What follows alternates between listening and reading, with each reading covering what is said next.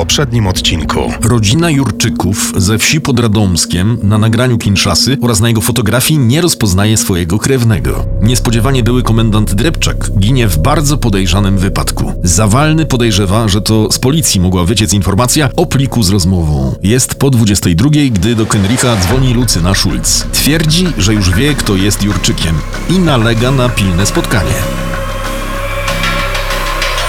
Piekary Śląskie, 23 grudnia, godzina 22.10. Czyś ty zwariował? O tej porze i w tym stanie chcesz iść do pracy?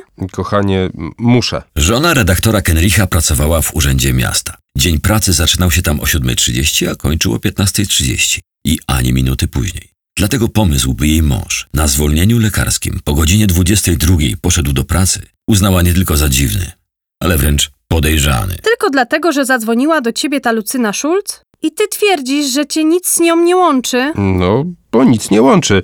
To są tylko sprawy zawodowe. Ta, zawodowe. Wrócę przed północą. Obiecuję. Z samochodu zadzwonił do Zawalnego. Chciał jak najszybciej podzielić się dobrą wiadomością. Abonent chwilowo niedostępny. Po sygnale nagraj wiadomość. Tomek, Lucyna Schulz wie, kto jest Jurczykiem. Jak tylko coś będę wiedzieć, zadzwonię. Sypał śnieg, chwycił mróz i zrobiło się ślisko. Lucyna czekała na przystanku, przy cmentarzu w Łagiewnikach. Wieska je kolonia z Gorzelec? Tak, No to jadymy. a Jurczyk? Wszystko w swoim czasie. Henrich jak nigdy szarżował. Mimo, że z oddali zauważył biało-czerwone barierki remontowe, na świeżym śniegu nie zdołał wyhamować. Co robisz? Chcesz mnie zabić? Z wgniecionym błotnikiem ruszyli dalej. Przy pierwszych zabudowaniach kolonii na poboczu stał mężczyzna. Lucyna poprosiła redaktora, by zatrzymał samochód. Musimy go wziąć. Bez niego niczego się nie dowiemy.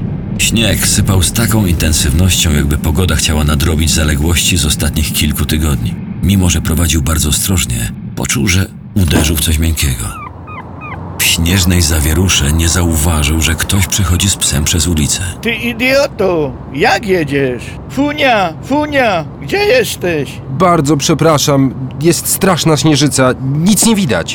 A, siadaj do środka, jedziemy, szybko! Od tej pory to mężczyzna wskazywał drogę. Zaparkowali przed niewielką halą magazynową na obrzeżach Lipin. Kenrich czuł narastający niepokój. Wszedł do środka pierwszy. Wewnątrz panował półmrok i cisza. Nagle oślepił go snop silnego światła. Hej, co jest? Towarzysz podróży od tyłu fachowo go obezwładnił. Serdecznie witamy redaktora Kenricha. Mężczyźni odebrali mu telefon, skrępowali ręce, a usta zakleili taśmą samoprzylepną. Zrozumiał, że nie wróci do domu przed północą. Gańba.